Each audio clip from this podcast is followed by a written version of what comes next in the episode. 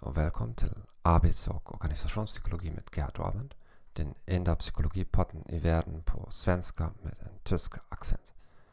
Enligt Big Five-modellen av personlighetsdrag har neuroticism följande aspekter.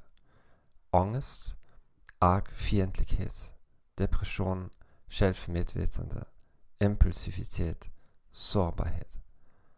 Motsatsen till neuroticism är emotionell stabilitet. Det är inte förvånande att känslomässigt stabila anställda presterar bättre under stressiga förhållanden. Neurotik är kopplad till testangst. Därför kan neurotiska individer ha systematiskt lägre testresultat eller en sämre prestanda i verkliga uppgifter.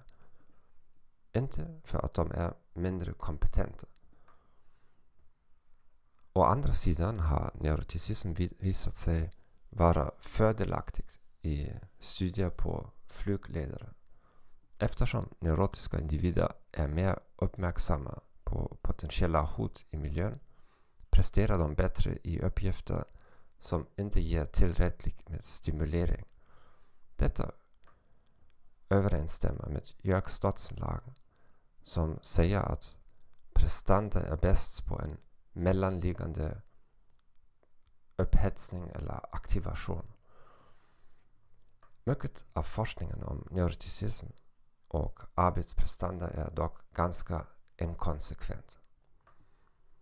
Jag tackar dig för att du lyssnade på denna podcast. Jag önskar er en trevlig dag och hejdå.